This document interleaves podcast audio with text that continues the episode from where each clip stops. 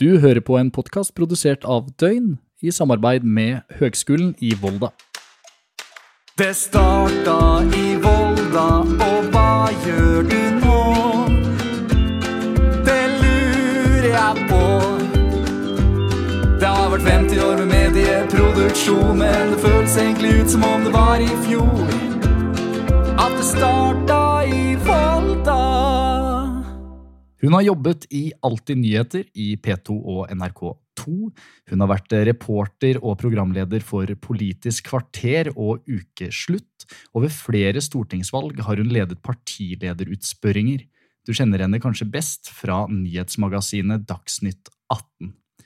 Hun er også forfatter, og i 2017 så kom boka Hersketeknikker, nyttige og nådeløse, som omhandler bruk av hersketeknikker i politikken, media og familie- og arbeidsliv. I 2019 så kom boka Skikk og bruk, praktisk folkeskikk for moderne mennesker, og i 2020 så ble hun tildelt Lytteprisen av Riksmålsforbundet. Prisen tildeles for godt språk i radio. Så jeg kjenner at det er litt eh, nerver i dag å prate med, prate med vår gjest. Fordi det starta nemlig muligens i Volda også for henne. Så la oss finne ut av det. Ta vel imot Sigrid Solund. det var den applausen du fikk. Eh, Hjertelig velkommen, Sigrid. Åssen står det til? Hvor er du hen i landet? Jo, jeg er hjemme i Oslo. Sånn er det. Så du er hjemme i Oslo, og det er nedstenging, eller åssen er det for deg? Jo, det er jo ikke mye som skjer her i byen. Så eh, jeg, jeg, er jo, jeg er jo heldig, for jeg får jo vært masse på jobb. Så jeg kommer meg jo ut en del. Men akkurat i dag er det hjemmekontor. Nettopp, og da var det ekstra fint at du kunne slå av en liten prat med en Volda-student som lurer på hvordan det var å være Volda-student for deg. Tilbake i Ja. tiden. Skal vi skru klokka tilbake og, og se hvor, hvor, var du en, eh, hvor var du en, Sigrid, når du valgte deg til Volda? Eh, Det er litt dit jeg starter eh, reisen. Fordi ofte så har gjestene jeg har hatt med, kanskje gjort noe før Volda også. Mm. ja, det har jo jeg også. Så jeg begynte Jeg gikk på videregående på, en, på Manglerud her i Oslo, og så begynte jeg på Blindern etterpå. Og tok X-FIL, som det het, og grunnfag, som det også het, i psykologi. Og så gjorde jeg det vel i da et år eller halvannet eller et eller annet sånt, og jobba litt også, sånn på en skole og sånn. Og så hadde jeg egentlig hele oppveksten og ungdomstiden vært veldig usikker på hva jeg skulle gjøre, for jeg hadde forskjellige interesser, og det var ikke sånn én bestemt ting som jeg følte var som brennende ønske. Så jeg var også veldig glad i å tegne og holde på med litt mer sånn uh, kunstneriske ting, uten at det var så mye kunst involvert. Um, så, så da hadde jeg vært veldig usikker på om jeg skulle prøve å liksom velge en akademisk uh, vei, eller om jeg skulle gjøre det mer sånn håndverksmessig. Så etter at jeg ikke studerte psykologi videre, fordi på den tida så var det sånn kjempelett å begynne og veldig vanskelig å gå videre, og så hadde det vært en ordning som gjorde at det var egentlig umulig å gå videre med mindre du var blant altså Det var bare ti studieplasser tror jeg, videre på embetsstudiet i Oslo den gangen. Så da eh, hoppet jeg over på mm, en høyskolen i Akershus og noe som het produktdesign. Og så, det var en toårig utdanning som egentlig mer eller mindre gikk ut på at jeg sto på et metallverksted i to år. Oi. Og så var det for så vidt gøy, men jeg tenkte at det her kommer jeg jo aldri til å klare å jobbe av, og jeg var ikke så flink heller. Så jeg husker det var faktisk Jeg satt og hørte på en veldig kjedelig forelesning om eh, kunsthistorie, og så tenkte jeg det her er jo bare helt meningsløst. Men kanskje jeg kan bli journalist, tenkte jeg. Og da ble det sånn gikk det, kjente en sånn lettelse gjennom hele kroppen. Ja, det høres jo mye riktigere ut. Jeg er jo kjempeglad i å jobbe med språk og eh, er jo veldig nysgjerrig. Jeg tenkte at det passa veldig bra, da. Så da ble jeg så glad da jeg skjønte at jeg ikke trengte å prøve å jobbe som produktdesigner. Og så søkte jeg meg til, eh, til Volda. Nettopp. Så det var, eh, det var kreativiteten da, som lå i grunn. Ja, det kan du jo si. Men jeg, jeg tror det er mulig å jobbe med kreativitet på veldig mange forskjellige arenaer. Så, men, eh, men, det var sikkert et, et, et, ønske om å skape noe på et eller annet vis, ja. Så gøy. Jeg kjenner meg selv litt igjen i det. og alltid har studert på en måte kunstfag for min del på ene siden, og så plutselig så fant jeg ut at oi, jeg hadde litt samme følelse for ikke så veldig lenge siden for min del. at journalistikk, der kan jeg faktisk være kreativ og bruke alle de sidene på en litt, ja, på en litt annen mm. måte. Og For min del så passet det også litt sammen med den interessen jeg hadde for psykologi, da, som jeg også hadde ønska å, å, studere videre med, som jeg tror jeg, at både jeg og sikkert mine potensielle pasienter er glad for at det ikke endte opp som det, men, eh, men eh, at jeg kunne liksom bruke noe av det likevel inn i dette yrket, da. Ja, klart det. Den uh, interessen for mennesker. Mm. Og den virker det som at du har tatt uh, med deg når jeg leser på alt det du har drevet med, og på bøkene du har skrevet. og Det, det har jeg lyst til å komme litt mer tilbake til, for det virker jo som at uh, det omhandler mye mennesker og hvordan vi er. Ja, det er jo kjempespennende. Men før det så må vi jo se på hvordan det var for deg å, å, da komme til Volda? For da valgte du Volda eh, av alle journalistutdanninger i Norge? ja, det er ikke helt riktig heller, fordi jeg kom ikke inn i Oslo. Men eh, det var på hengende håret. Men jeg hadde jo Volda som andreplass. På andreplass. Og så var jeg veldig fornøyd. Altså, fordi jeg lurte veldig på om jeg egentlig skulle fortsette å, å studere i Oslo eller ikke. For jeg hadde jo lyst til å komme inn i et ordentlig studentmiljø. Og det hadde jeg jo ikke helt uh, fått til sånn ved å gå på Blindern, for da fortsatte jeg bare å være med de gamle vennene mine stort sett, og ikke være så mye på ja, på universitetsområdet. Mm. Um, så sånn sett så var jeg veldig fornøyd med å skulle reise bort og gjøre noe helt annet, da. Var det rart å skulle reise til Volda? da? Det virka som at du var en eh, byjente på den tida? Mm, det var veldig rart. Jeg ante jo ikke hva jeg dro til i det hele tatt. og jeg hadde jo eksistensiell angst i to uker da jeg kom dit, så Ja, fortell, fortell, om det. Jeg kan jo kjenne meg veldig igjen i det å, det å komme til Volda fra en litt større by. Eh, for min del var jeg alene og kjørte hit med moderen og faderen og ble parkert på en hybel. Og der start, start ditt nye liv. Hvordan, hvordan var det for deg? Nei, det var litt sånn for meg, bortsett fra at jeg ikke ble kjørt dit. Nei, men eh, jeg tvang mamma til å kjøre meg til flyplassen. Um, selv om jeg tror hun syntes at jeg var altfor gammel til at hun skulle trenge det. Men jeg, hadde, jeg var redd og så følte meg veldig alene. Og så kom jeg hit og hadde jo, kjente jo ingen uh, som var her. Men det var jo Det gikk ganske fort, selv om Ja, jeg bodde på et, sånt, et av de studie, studenthusene Eh, hvor ikke det bodde noen andre journalistikkstudenter. Og det var jo litt sånn det miljøet jeg hadde lyst til. Jeg var ikke, altså, det var jo, du har lyst til å være sammen med dem som du studerer sammen med. Og så var det jo Dette er jo så lenge siden. Jeg tror, jeg tror ikke jeg hadde mobiltelefon. um, og det var liksom, Jeg hadde bare med meg noen bøker, og sånn på kveldene så var det eneste jeg kunne gjøre, var å ligge inn og lese bok liksom, på den der hybelen. da. Og jeg tenkte at alle altså Jeg, jeg husker jeg lå og gråt. Jeg syntes det var så ensomt og trist. Og så heldigvis så var det en, en, annen jente fra Oslo også som jeg ble veldig fort kjent med. da, Som også tror jeg syntes at det var skikkelig stusslig å være der. Og så eh, begynte vi å være sammen, og så fikk jeg jo ganske fort mange andre venner. Og så etter noen uker bare så flytta vi inn i et kollektiv i Storgata. Og da var det jo etter, fra den dag ut så hadde jeg aldri et øyeblikk alene. Så det ble jo litt problematisk den andre veien igjen da, men det var i hvert fall veldig fint å komme inn i en veldig fin gjeng der, da. Er det ikke rart hvordan det plutselig liksom er sånn brå vending på at man møter noen, og så bare går det seg til ganske fort? Mm. Mm.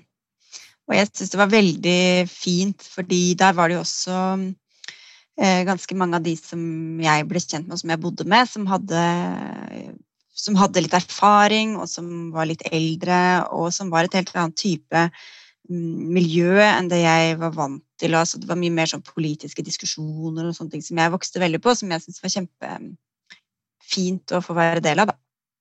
Så ganske intellektuelt eh, miljø der, da, som Jo, men det Jeg vet ikke om liksom, noen utenfra ville hørt på de middagssamtalene og tenke at her var det en intellektuell høyborg, men uh, det var i hvert fall bedre enn det jeg var vant til.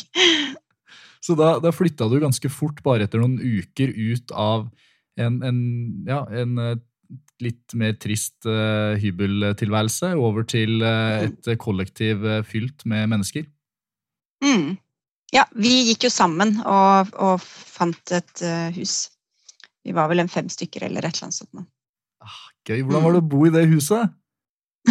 jo, det var veldig fint. Det var, altså selve huset Innredningen var ikke så lekker. Det var sånne veldig gamle gulvtepper som det hadde sikkert bodd 18 000 kollektiver der eh, fra før av, så du følte at det var sånn ølstenket liksom, eh, teppe. Og det var ganske, jeg tror ikke det var pussa opp siden 70-tallet, ja, men vi kjøpte ting på loppemarked og innretta oss som best vi kunne.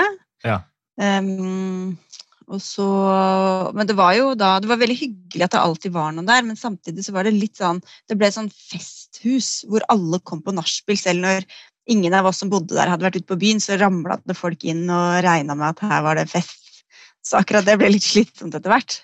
Sånn. Jeg bodde vel der et år før jeg flytta videre, da. Sånn er, det, sånn er det å bo i Storgata. Vi, ja, det visste ikke vi den gangen, men det Jeg flytta nettopp inn i et eh, kollektiv her med en guttegjeng.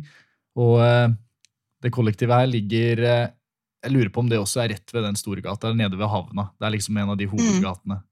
Og det, det, renner jo inn folk i helgene som ikke jeg vet hvem er, vet du. Ja, ja, ja. ja det var helt vilt.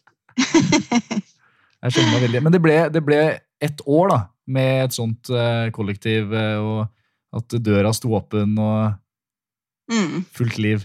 Ja. Og det var, det var, veldig fint. Det var første gang jeg bodde Altså, jeg har bodd eh, sammen med venner tidligere, men ikke så mange mennesker.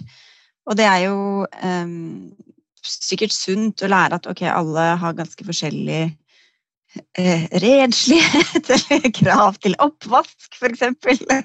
Sånne ting. At man må jo bare man må liksom file ned kantene man begynner å opparbeide seg allerede liksom tidlig i 20-årene. Så, så, det tror jeg at jeg hadde veldig godt av. Um, ja, det var, men det var jo trekkfullt og stusslig, liksom sånn, men det var det ingen som brydde seg så mye om. Så det var veldig koselig. Og så fikk jeg vel Det ble vel jeg husker ikke, det var litt inn og ut folk som flytta i det kollektivet. Så flytta jeg sammen med en kamerat inn i, inn i et annet hus fordi vi hadde så lyst til å bo sammen. Så vi flytta inn i et hus i Gamlevegen. Så der bodde jeg det andre året, da. Ligger, det var bare to år da jeg gikk der. Ja, det var bare to. Og hvor, hvor, eh, den gamle mm. veien, hvor er det i Volda omtrent? Eh, hvis du har liksom sjøen i ryggen, så var det opp til venstre. Ja. Eh, ja. Det er den beste forklaringen jeg kan gi. ja, det, det, er bra nok. Og med utsikt utover fjorden, da. ja, vi hadde vel ikke noe utsikt, for vi bodde jo i første etasje. Men det var et veldig staselig gammelt hus. Og så bodde vi der egentlig sammen med en syke, lærerstudent var hun. Hun var bare borte i praksis hele tiden, så hun var nesten aldri der. Så det var bare han og jeg, og det var altså superhyggelig, da. Fant litt mer en balanse da, på det å på en måte kunne ha litt alenetid, og også kunne mm. være med folk. Ja. Ja, Så deilig. Og eh, hvordan, hvordan, var den balansen, da, når jeg snakker om den, eh, mellom det sosiale livet og det som skjedde på skolen, og det faglige? Ja, det var jo Jeg syns jo det var det sosiale miljøet som jeg lærte aller mest av. Var, det, var, det, er jo det som er veldig fint med å være i Volda. Så bortsett fra å gå tur, så er det jo ikke så veldig mange andre ting å gjøre enn å være sammen med de medstudentene. Og, så vi var jo det hele tiden. Vi var jo på skolen vi på kvelden og gjorde ting, eh, prosjekter som Altså det gikk det var, liksom, det var en veldig glidende overgang mellom hva som var sosialt og hva som var skole. Mm. Så det syns jeg var veldig lærerikt. Og som jeg da jeg sa i stad, det var jo en del som hadde, hadde erfaring fra før av, sånn som vi kunne lære av. Um, så det syns jeg var helt fantastisk supert med å være der. Og så blei det vel litt sånn for min del litt klaustrofobisk etter hvert. sånn hvis, Jeg hadde jo ikke noe kjæreste, så hvis jeg skulle liksom prøve å treffe noen, så var det sånn Det var jo helt umulig å holde det skjult. ikke sant? Og da, det syntes jeg var skikkelig slitsomt at uh, Pluss at det var veldig underskudd på gutter. Sånn at hun, hun venninnen som jeg nevnte i stad, som jeg ble kjent med først, hun var litt sånn Ja, jeg skal ha liksom Hun, hun tok liksom de fem kjekkeste guttene, de hadde hun lyst på, så da måtte jeg prøve meg på noen andre. det var ikke sånn at det blei noe mellom henne og dem, men det var liksom, da var det off limit for meg, da. Så jeg var, følte meg Det var ikke akkurat en sånn høydepunkt sånn datingmessig i Volda, det vil jeg ikke si. Det er så rart hvordan det kan gå begge veier i Volda med akkurat det der. Det er uh, flere av vennene mine nå som uh, er liksom ute og det kommer uh, Ja, de, kommer seg inn i, i, forhold, og det er liksom hele den biten av det, samtidig som du skal ikke date for mye før det er offisielt. Nei, det er helt umulig. Så det, det er veldig rar, liksom, rart samfunn, for alle vet ja. alltid hva som skjer. Ja. Du kan, ikke, du kan jo ikke gå noe sted og være aleine. Det er så lite, så alle ser jo hvis du treffer noen, eller går en tur på kafé, eller bare går en tur. Eller til og med hvis du prøver å reise bort sammen, så skjønner jo alle det også. Men eh, ja. Så det ble ikke det du ble ikke en av de som liksom fant uh, livs uh, kjærlighet i Volda. som Jeg, jeg prata med Thomas Numme, han fant sin kone her. Erik Solbakken, mm. han fant kona veldig tidlig. Men det, kanskje det er, men, det er mennene som finner konene sine her? ja, ja. For det, det er en skjev fordeling. Ja, veldig urettferdig. Men jeg traff jo han som jeg um, gifta meg med um, gjennom en som jeg ble kjent med i Volda. da. Så sånn sett så var det veldig praktisk. Så han møtte jeg jo da på sommeren mellom de to årene. Så det andre året så var vi kjærester, da. Så da fløy jeg jo mye ned til Oslo. Okay, så... Og han kom til Volda og sånn. Siste året ditt, det. Mm. I, I, Volda. Um, for det var to år, ja, for nå er det jo tre år. Mm. Og da regner jeg med at Hvordan var det du begynte å uh, nærme deg bransjen? Og når du gikk her da første eh, klasse, Visste du på en måte hvor du ønsket å eventuelt etter hvert komme inn? For ofte så er det jo sånn at vi jager etter det å få en sommerjobb en i en spennende redaksjon, eller prøve å få en uh, god praksisplass, da, som man kan uh, ta og gå ja. videre inn i. Jeg jobba ikke noe i den første sommeren der. Eh, da hadde jeg en eller annen sånn Det virker veldig veldig lat nå når jeg tenker tilbake på det. For da tenkte jeg sånn Å, dette er sikkert min siste sommer som student før jeg skal jobbe og slite resten av livet, så nå skal jeg prøve å Nå skal jeg bare liksom ha fri. Eller jeg hadde jo vært vant til å jobbe sommerjobber og sånn, men jeg husker i hvert fall Jeg hadde i hvert fall ikke noe sånn relevant jobb den sommeren. Og så, og så var det sånn at vi hadde praksis da på vårparten det andre året. Ja. Og da var det ikke så veldig mye Jeg tror jeg prøvde altså Jeg husker ikke, eller man satte vel opp en sånn søkeliste eller liksom prioritering, og så, ikke, så, ble man bare fordelt på en eller annen måte. Da, men jeg hadde egentlig aldri lyst til å jobbe med nyheter. Jeg hadde lyst til å jobbe med mer sånn um, magasin, feature-ting. Okay. Så da jeg så jeg hadde jeg praksisplass i Østlandssendinga. Og så var det sånn passe vellykka, kanskje. Og så um, Men så fikk jeg vel tilbud om sommerjobb der òg, men da hadde jeg allerede takket ja til et tilbud i Alltid nyheter, som var helt sånn ko-ko, liksom, fordi jeg tenkte jo, Jeg har absolutt ikke lyst til å jobbe med nyheter, så jeg begynner å jobbe i Alltid nyheter. Det føles jo litt um, merkelig. Men, uh, men, da ble jo den nyhetsinteressen vekk, da. Så da jobba jeg Har jeg jo bare jobba i NRK Nyheter mer eller mindre. Eller jeg jobba litt sånn med musikk. Gjorde intervjuer for noen musikkprogrammer og sånne ting. Men um, utover det så har jeg for det meste bare da vært jobba med nyheter, da. Og nå kan jeg ikke tenke meg å gjøre altså, Eller nå virker det veldig sånn daft å jobbe med andre ting. Ja, jeg skjønner. Morsomt at, eh, at det tok den eh, retningen. Uh, plutselig da ble med på laget i Alltid nyheter da, og det var da en jobb du fikk som sommerjobb? Mm. Etter praksis, da. Så da kunne jeg vise til at jeg hadde jobba i Østlandssendinga. Og, og, jeg gikk jo egentlig på TV i Volda. Ja. Så egentlig følte jeg meg utrolig dårlig rusta til å gjøre noen verdens ting. fordi da, i hvert fall da jeg gikk der, så var det jo sånn at veldig mye av tida i praksis i, i Volda ble jo brukt til sånn å være skritt eller å liksom lage sendinger Altså det var utrolig lite journalistikk. Eh, vi var jo fotografer og hadde regi og alt mulig sånt. Så, så da jeg skulle da jobbe radio og jobbe med journalistikk altså det, det, Jeg følte meg skikkelig lurendreier. jeg ante ikke hva de gjorde da de sa ja til at jeg kunne jobbe der. Og da ble du bare kasta ut i det. Åssen var det da? Første dag i sommerjobb, eh, alltid nyheter, og du sier jo selv at du ikke nødvendigvis eh, på den tiden eh, tenkte at du skulle drive med nyheter. Nei, og det, det var jo Men altså, det var veldig skummelt. Um, samtidig så var det en veldig ung redaksjon. Var, den kanalen hadde bare eksistert i noen få år. Og da jobba jeg Jeg begynte å jobbe sammen med Fredrik Solvang og Håvard Grønli, som er programleder på Politisk kvarter, og Dag Dørum, som er vaktsjef i Dagsnytt 18. Altså, det var veldig mange av de som jeg begynte å jobbe med der, som jeg jobber med fortsatt, og som er veldig ålreite folk. Og det var en kjempemorsom sånn kultur der. altså Alt gikk veldig kjapt. Det var veldig sånn motkultur til Dagsnytt og til Dagsrevyen, og vi syntes at de var sånn kjempegamle og treige og eh, liksom satt. Så vi, og det var ekstremt mye festing, og det var ingen som hadde barn, og det var veldig gøy å være der. Og vi følte at du liksom var med på å bygge opp noe nytt. da. Så det, akkurat det var kjempegøy. Så det var kanskje en større overgang den der fra studiene og over til Østlandssendinga. Mm. Også fordi at jeg da skulle, skulle ha sånne mm, rapporter fra altså på morgensendingene. Så hvis det skjedde et eller annet, så skulle jeg kjøre ut og rapportere derfra.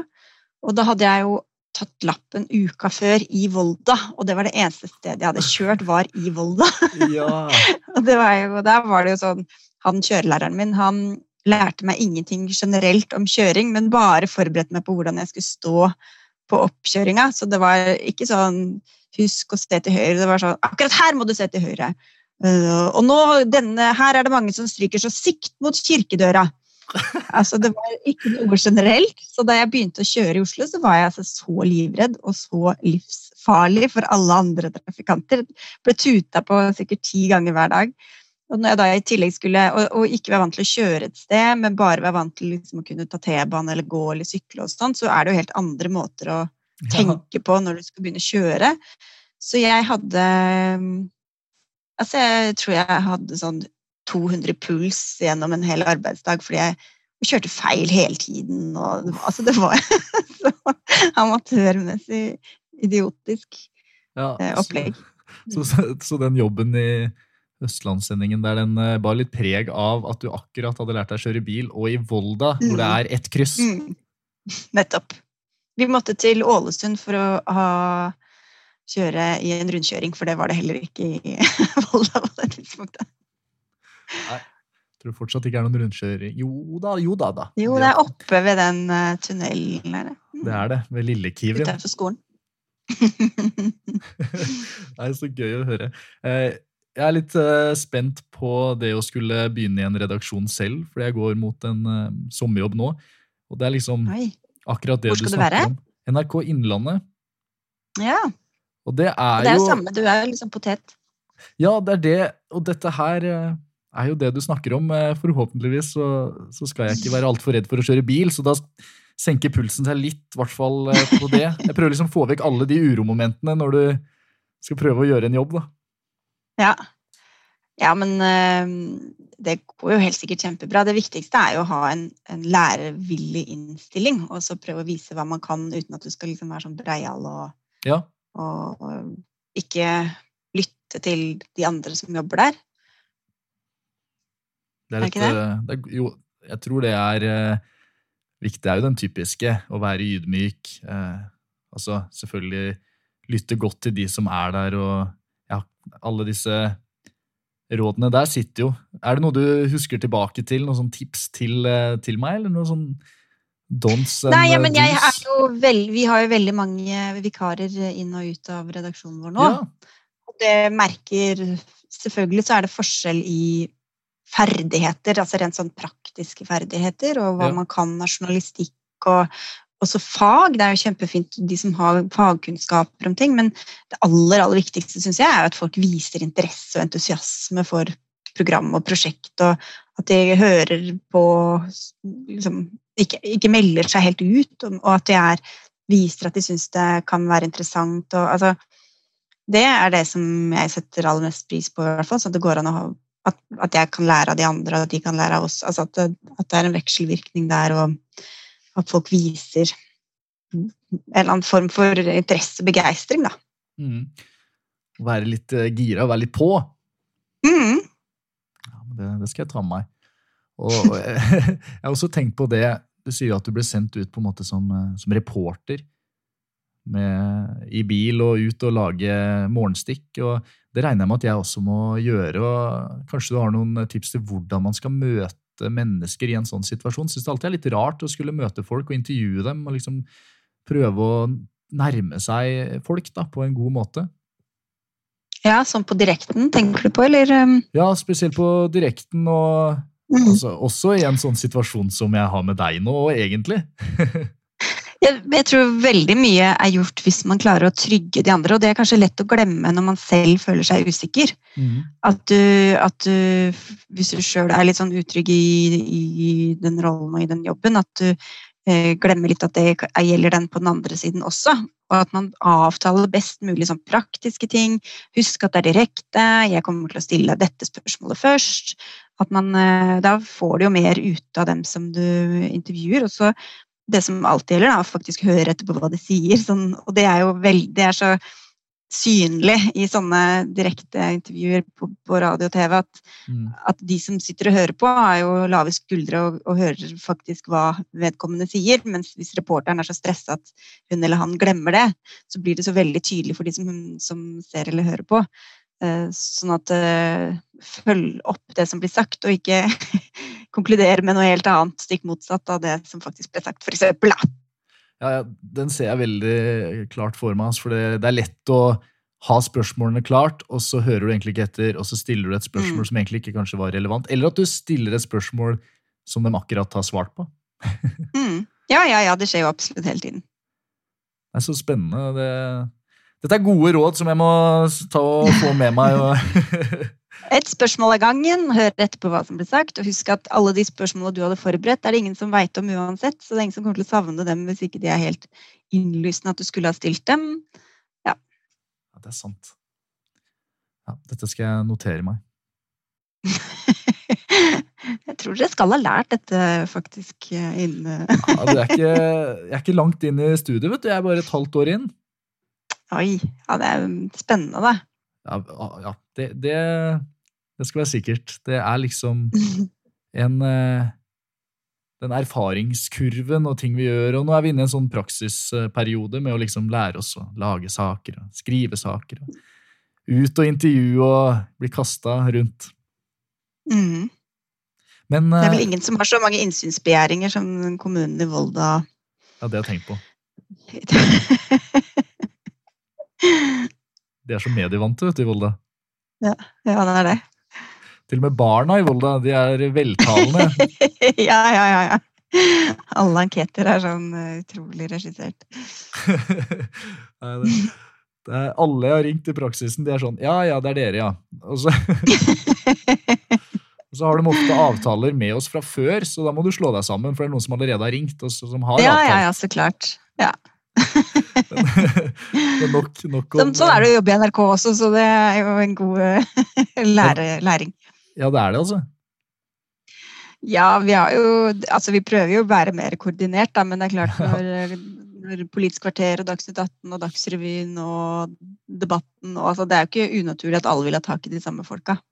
Vi kan begynne å, kan begynne å nærme oss eh, de jobbene som du hadde etter den eh, sommerjobben her. For jeg har lyst til å prate litt mer om hvordan det er og f.eks. jobbe da i eh, Dagsnytt 18. Det høres jo veldig spennende ut hvordan dere driver på, men før du kom til Dagsnytt 18, og det mellomrommet da fra eh, at du var i sommerjobb i Østlandssendingen, og så var du over til Alltid nyheter, det var slik å forstå? Mm.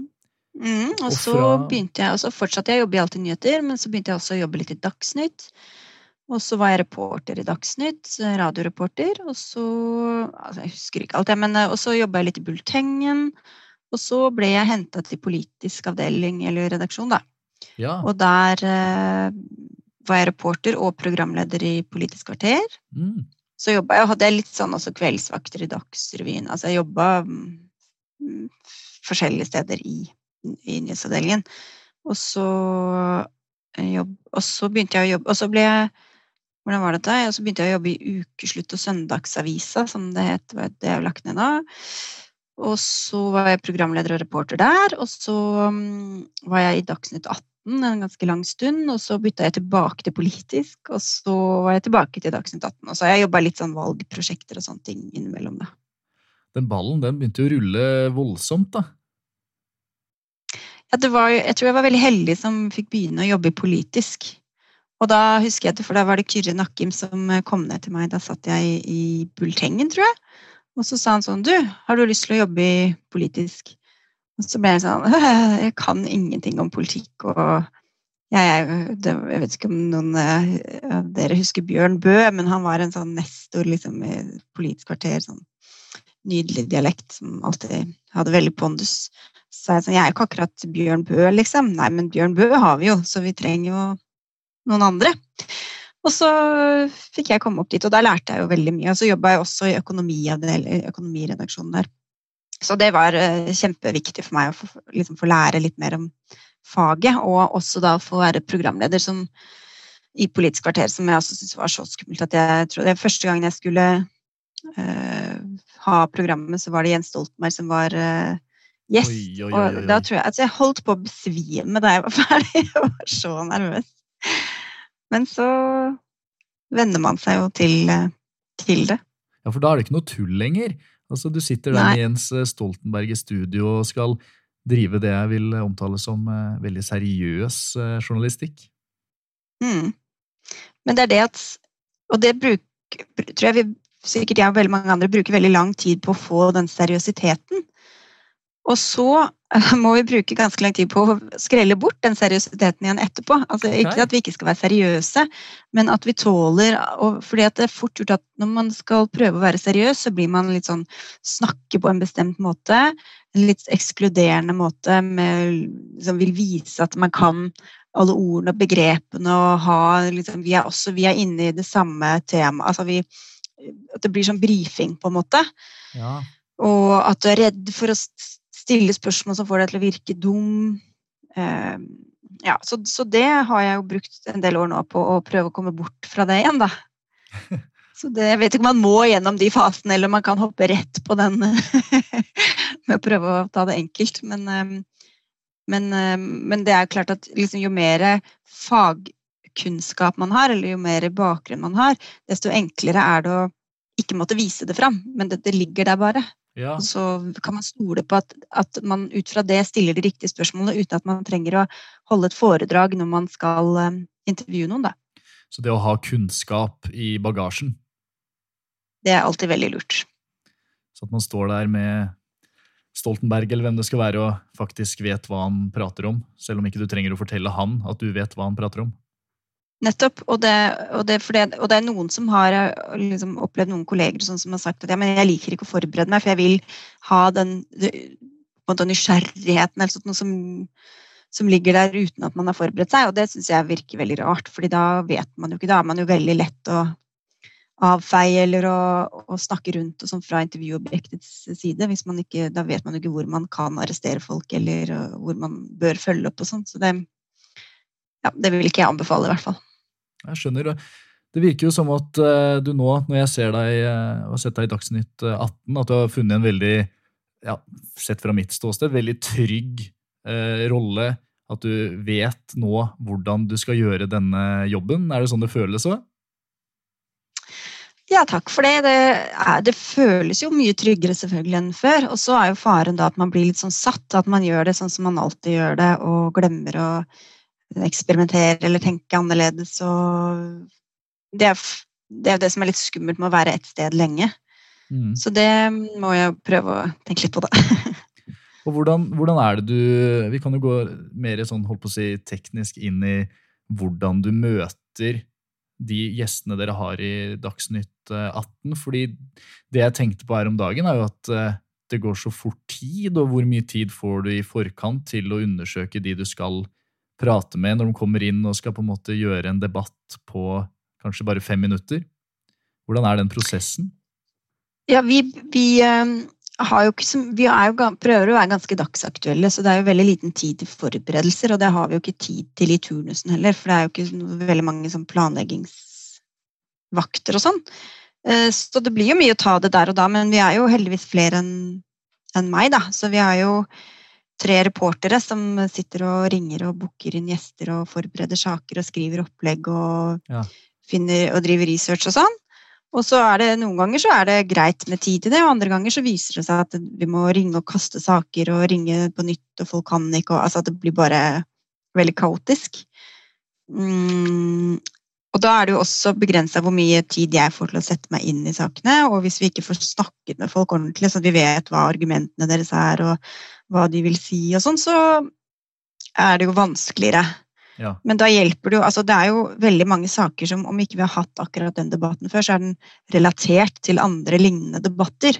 Og da, hvis du har det bakteppet at du kan sette ting litt i sammenheng og vite, da er det ofte ganske lett å skjønne hva som kommer til å være argumentene. Og da kan jeg jo forberede meg ut fra det. Og så forbereder jeg jo kanskje en sak eller, eller, kanskje to til og med selv. Og jeg snakker selv med gjestene, og sånn, og da føler jeg meg veldig trygg på hva de kommer til å si. Og da kan jeg prøve å tenke, da tenker jeg sånn, ok, men hva er det, hvor er svakheten i argumentasjonen? Jeg, da må jeg stille spørsmål sånn og sånn. Og så for å få fram de beste argumentene og motargumentene da, i mm. debatter. Og så hvis du jobber med forskjellige typer intervjuer, så er det jo litt andre måter å jobbe på. Sånn, så du prøver å tenke litt ulikt hva slags sjanger skal vi ha nå? på en måte? Skal det bare være ren informasjon? Skal det være noe som er litt sånn følelser involvert? Skal det være en, en kjapp debatt, eller skal det være en grundig runde om et eller annet vi har lyst til å belyse ordentlig? Ah, det er mye å tenke på, da. ja. Nei, du verden. Det, det høres eh, veldig spennende ut da, å jobbe med. Det er veldig spennende. Og det som også er litt deilig, er jo at vi har jo sending hver dag i én time. ikke sant? Og da er det litt sånn Ja, ok, så ble den saken ikke så bra. Men det er en ny sending i morgen. Sånn er det bare. Altså, det, er, det, er, ikke så mye tid til å dvele ved ting som går kjempedårlig. Og jeg tror også folk har litt sånn forståelse for at det ikke alltid alt blir helt perfekt, fordi at det er jo en time, og det er mye som skal på plass. og, og teknikken, særlig nå under pandemien, så er det jo sånn 1000 linjer her og der, og folk liksom, får ikke kobla seg opp, og det er blitt veldig mye styr med det også, sånn at jeg får beskjed på øret neste debatt er ikke klar, bare hold det gående. Eller nå må du hoppe nå må vi bytte sak. Altså at det er veldig mye eh, usikkerhet rundt akkurat det tekniske òg, da. Ja, det i tillegg, på toppen av alt. Mm. Ja, du verden. Det er en uh, spennende verden for meg å få et innblikk uh, inn i. Jeg ser det jo bare fra TV-skjermen. Ja, men eh, det er eh, Det er eh, veldig gøy å holde på med. Ja, det tror jeg på. Og det virker jo som at din interesse Vi snakka om det litt tidligere i samtalen i dag. Den der interessen for mennesker, psykologibakgrunnen som du hadde med deg fra Oslo. Og jeg ser jo at du har skrevet bøker som handler om mye av sikkert de møtene du har hatt med politikere og mennesker, og hele den pakka. Så jeg vet ikke helt hva spørsmålet mitt eh, var, men eh, det handler vel litt om det med Det at du er glad i mennesker, virker det som. Ja, altså, jeg er i hvert fall veldig synes det er spennende med sånn mellommenneskelig kommunikasjon og relasjoner og hva som blir sagt og hva som ikke blir sagt. Og det handler jo egentlig begge de bøkene om mye av det. Altså hva, hvordan vi bør være, og hvordan vi egentlig er, og hvordan vi kan være og sånn. Og, um, og det er jeg jo sikkert litt ekstra obs på også sånn i, i jobbsammenheng. Da, hva, hvordan er dynamikken mellom disse to? Hva er det de egentlig vil si? Hva er det, de, hva det, de, er det ligger mellom linjene? Så det syns jeg er fascinerende å sitte og tenke på også, da. Oppi det alt. Når var, du, når var det du fant ut at du skulle skrive bøker? Da? Um, jeg er så elendig på årstall, jeg, men nei, den, den, nei, den hersketeknikker kom vel ut i 2017, så det, den holdt jeg vel på med i et år i forkant. da. Ikke på fulltid, men jeg hadde noen måneder permisjon, og så ble det sittende veldig mye på kvelder og i ferier og sånn. Men det var ikke noe jeg hadde planlagt utover liksom, da jeg begynte med prosjektet, da. Tror du sånn journalistikk og det å skrive bøker går kanskje litt hånd i hånd? da? Ja, altså hvert fall De to bøkene gikk jeg jo bare, der brukte jeg bare rent sånn vanlig journalistisk metode. At jeg intervjua folk både sånn som profesjonelle kilder og fikk ut masse forskjellige historier som jeg syntes kunne belyse eh, de forskjellige f.eks. For hersketeknikkene bra. Og bruke masse eksempler og sånn, som var veldig gøy. Og så er det jo veldig annerledes selvfølgelig å jobbe med et langt bokprosjekt enn å jobbe en dagsaktuell sending. Så det var jo veldig nytt for meg også å skulle liksom ja, holde orden på alt stoffet og hvordan disponere det, hvordan lage en god dramaturgi, men da fikk jeg veldig god hjelp av forlaget og hun redaktøren min, da. Altså, det var jo, ja. Mm. Så, og da ble, det, da ble, det, først den boka 'Hersketeknikker nyttige og nådeløse'. Og, den, mm. den, den, høres så spennende ut, ja, for jeg har jo egentlig ikke tenkt så mye over hersketeknikker i, i mitt liv. Nei, det... du har sikkert blitt utsatt for noen allikevel, eller holdt på med dem sjøl, så Ja, har du noen konkrete eksempler på sånn, jeg vet ikke, hverdags hersketeknikker, eller du har jo sikkert eh, Jeg, jeg skjønner det nå at jeg må, jeg må, lese den boka, men uh, du er jo da ja. Du er jo sterk på hersketeknikker. Ikke for gratis eksempler. ja, men altså sånn som de, Veldig mange unge mennesker opplever jo det, men nå, nå, tror jeg at mange er blitt litt mer bevisste på det også. Men at de får høre mye sånn Ja, ja, så koselig, så gøy, så spennende at du er engasjert i dette. da, Og så er det ingen som egentlig tar det alvorlig, f.eks. At de sier noe som på overflaten høres veldig positivt ut, men egentlig så er det veldig nedlatende og ubehagelig, for du blir ikke tatt på alvor. Du får, får liksom ikke vært med på ordentlig. Bare, det er sånn verbalt klapp på hodet. Ja.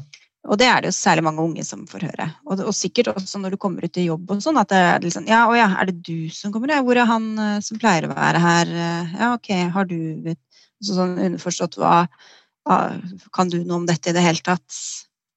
Ja. ja. Kanskje også være bevisst på det selv, da, de som utøver hersketeknikk på den måten. At uh, når du møter mennesker, at du ikke trenger å gjøre det.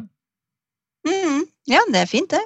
Det er i hvert fall Med mindre du veldig gjerne vil prøve å dytte ned noen andre, så er det greit. Prinsipp. Bruker du det, bruker det når du møter uh, gjester i studio? Fordi du har fått litt kål på hvordan du skal uh, Altså, det virker som at du har et godt hva skal man si, arsenal med hersketeknikker da, etter å ha kanskje skrevet den boka. Merker du det selv? At du liksom har litt uh... ja. Nei, altså, jeg tror faktisk jeg, det jeg er blitt mer bevisst på, er bare at jeg er så lei av alle mulige sånne stråmannargumentasjon og folk som vrenger på det andres argumenter. Jeg tenker sånn Åh, kan vi ikke komme til kjernen i debatten? Det er så kjedelig å høre på sånne derre noen som later som noen andre sier noe annet enn det de sier. Så, så akkurat der har jeg, jeg, gått litt motsatt vei. Men jeg skal ikke gjøre meg noe hellig. Altså jeg kan sikkert holde på med sånne teknikker, jeg også, også ubevisst. Så, så svaret er sikkert ja, at jeg gjør det fortsatt. Nei, men Det er spennende. og det, jeg ser jo det at det må jo hjelpe at du på en måte vet litt hva som skjer i en samtale med noen. At du vet kanskje ok, nå utøver denne personen en form for hersketeknikk, og da kan du på en måte mm. klare å ok, styre inn på poenget istedenfor å la deg bli dratt videre. Ja, i hvert fall hvis vi har debatter og sånn, så kan jeg jo se at oi, nå er det noen som driver veldig sånn ufint overfor en annen, at jeg da kan prøve å rette opp den balansen på et eller annet vis. da. Det er kult. Mm. Så har du den derre skikk og bruk, praktisk folkeskikk for moderne mennesker i 2019. Det er jo ikke så lenge siden. Nei, det er ikke så lenge siden, nei. Eh, den var også veldig spennende. Det høres veldig sånn pekefingermoralsk eh, kjedelig ut, men det var egentlig veldig gøy å jobbe med, fordi jeg har aldri vært så veldig god på sånne, sånne skikk og bruk-regler og sånn, og det En ting er jo liksom de etikette og sånne ting, men en annen ting er jo liksom hvordan vi oppfører oss mot hverandre i hverdagen, og ting som vi kan si som kanskje vi ikke tenker over, som egentlig kan være ganske uhøflig, sårende. Mm. Eh, så det syns jeg også var veldig spennende å jobbe med. Snakket med sånn, en del grupper som Eller folk fra grupper som opplever mye uhøfligheter. Da. Enten de sitter i rullestol eller er blinde, eller altså, liksom, hvor de opplever veldig mye rart. Sånn. Ikke fordi at folk vil være uhøflige, men fordi at man bare ikke har tenkt over helt hva man sier og gjør. Så akkurat det var også spennende å sette seg inn i. da. Ja, nei, jeg blir helt uh, fascinert av, uh, av, alle disse temaene, og skikk og bruk og folkeskikk og Jeg syns det er veldig spennende, og det, det, skal jeg ta med meg også, den uh, I hvert fall det der med måten du ser mennesker, og hvordan det har vært en gjenganger i din journalistiske karriere. Mm. Ja. Jeg tror det er fint å tenke at mennesker altså ofte i journalistikken så, så, virker det som om vi tenker sånn her er systemet, og så er menneske, så vi, må vi bare finne et eller annet menneske som representerer den gruppa. Eh, ikke sant? En, en, case, da, som vi jo veldig gjerne kaller det. Og det syns jeg er en dum dum, rar måte å tenke på, fordi alle mennesker er jo altså, det er ikke sånn at noen er stakkarslige caser, og så er alle andre er bare er mennesker, på en måte. Altså, vi må jo ta folk på alvor. Eh, enten de er direktører eller um, uføretrygda. Og de kan jo være like smarte, de som sitter nederst ved bordet, som vi sier, som de som sitter øverst. Og, og ha gode innspill til hvordan politikken skal utformes. og eh, Direktøren kan jo også ha veldig mange sider som man mister når man bare snakker til henne eller ham som direktøren. Så det er litt noe med å se folk som hele mennesker gjennom all journalistikk, da, og ikke, ikke, ha sånn Ikke glemme det. Ja, Så fint. Og uh, vi går mot uh, slutten her. Fått med oss uh, utrolig mye fint i, i den samtalen her. hva vil du si er det du liker best med å jobbe med det du jobber med nå? Det tror jeg er muligheten til å lære så mye og, og få fram så mye. Og så mange forskjellige saker, og at vi også har det veldig fritt i redaksjonen. sånn at jeg kan si sånn Jeg syns denne saken her er så viktig, jeg har lyst til å belyse den. Og så er det andre kanskje skjønner ikke helt hvorfor jeg syns det er så spennende, men så når det kommer på lufta, så håper jeg de skjønner det likevel. Mm. At vi kan ta opp saker som faktisk betyr noe for folk, og at vi kan engasjere. At det, de som hører på eller ser på, blir interessert i et eller annet tema og kanskje danner seg opp en eller annen mening om det akkurat der og da, ut ifra hvem som argumenterer best. og ja, det liker jeg veldig godt. Ja, så spennende. Jeg, jeg, jeg, blir liksom inspirert i alle samtalene jeg har, og nå, nå går jeg jo mot eh, en retning av mer eh, nyheter og kanskje en litt mer journalistisk tyngde. Da, fordi For min egen del så er jeg en litt sånn lettvekter i underholdning og eh, fjase rundt. ikke sant? Jeg syns det er litt skummelt å skulle hoppe inn og gjøre noe seriøst. Mm. Men det er jo de som Altså hvis du ser på Nytt på Nytt, for eksempel, som er veldig mye fjas, så har jo de ganske god innsikt i norsk politikk og internasjonal politikk og sånn. Så det er jo det å kunne Det er ikke noen motsetning mellom å kunne fjase eller å kunne kunne saker. Eller de som jobber i 5080 eller altså Satiriks mm. og sånt, hvor jeg også har fått vært heldig å være med en del ganger i sånne podkaster og sånne ting. Så, så, er jo det kjempegøy å, å snakke med og tulle liksom, når man faktisk har litt mer innsikt i ting også. Så jeg tror, jeg tror, tror du kan slappe av helt på det at det, det er, du må ikke velge, liksom. Det er mulig å ta med seg det lette inn i det tunge og motsatt.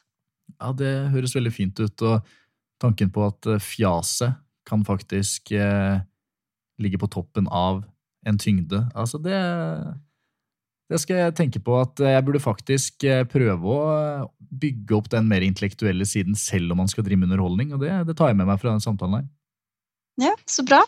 Jeg kan jo le mye jeg i studio i Dagsnytt 18, men jeg, det syns jeg bare Altså, som igjen, liksom, folk er mennesker, de som sitter i studio, enten det er meg eller det er de som er gjestene der, så er det, det er lov å tulle litt selv om det er noe alvorlig man snakker om. Altså, sånn, sånn er vi mennesker. Det blir bare latterlig hvis man skal late som det er liksom nå skal alle være veldig alvorlige og seriøse, for nå har vi et seriøst nyhetsprogram.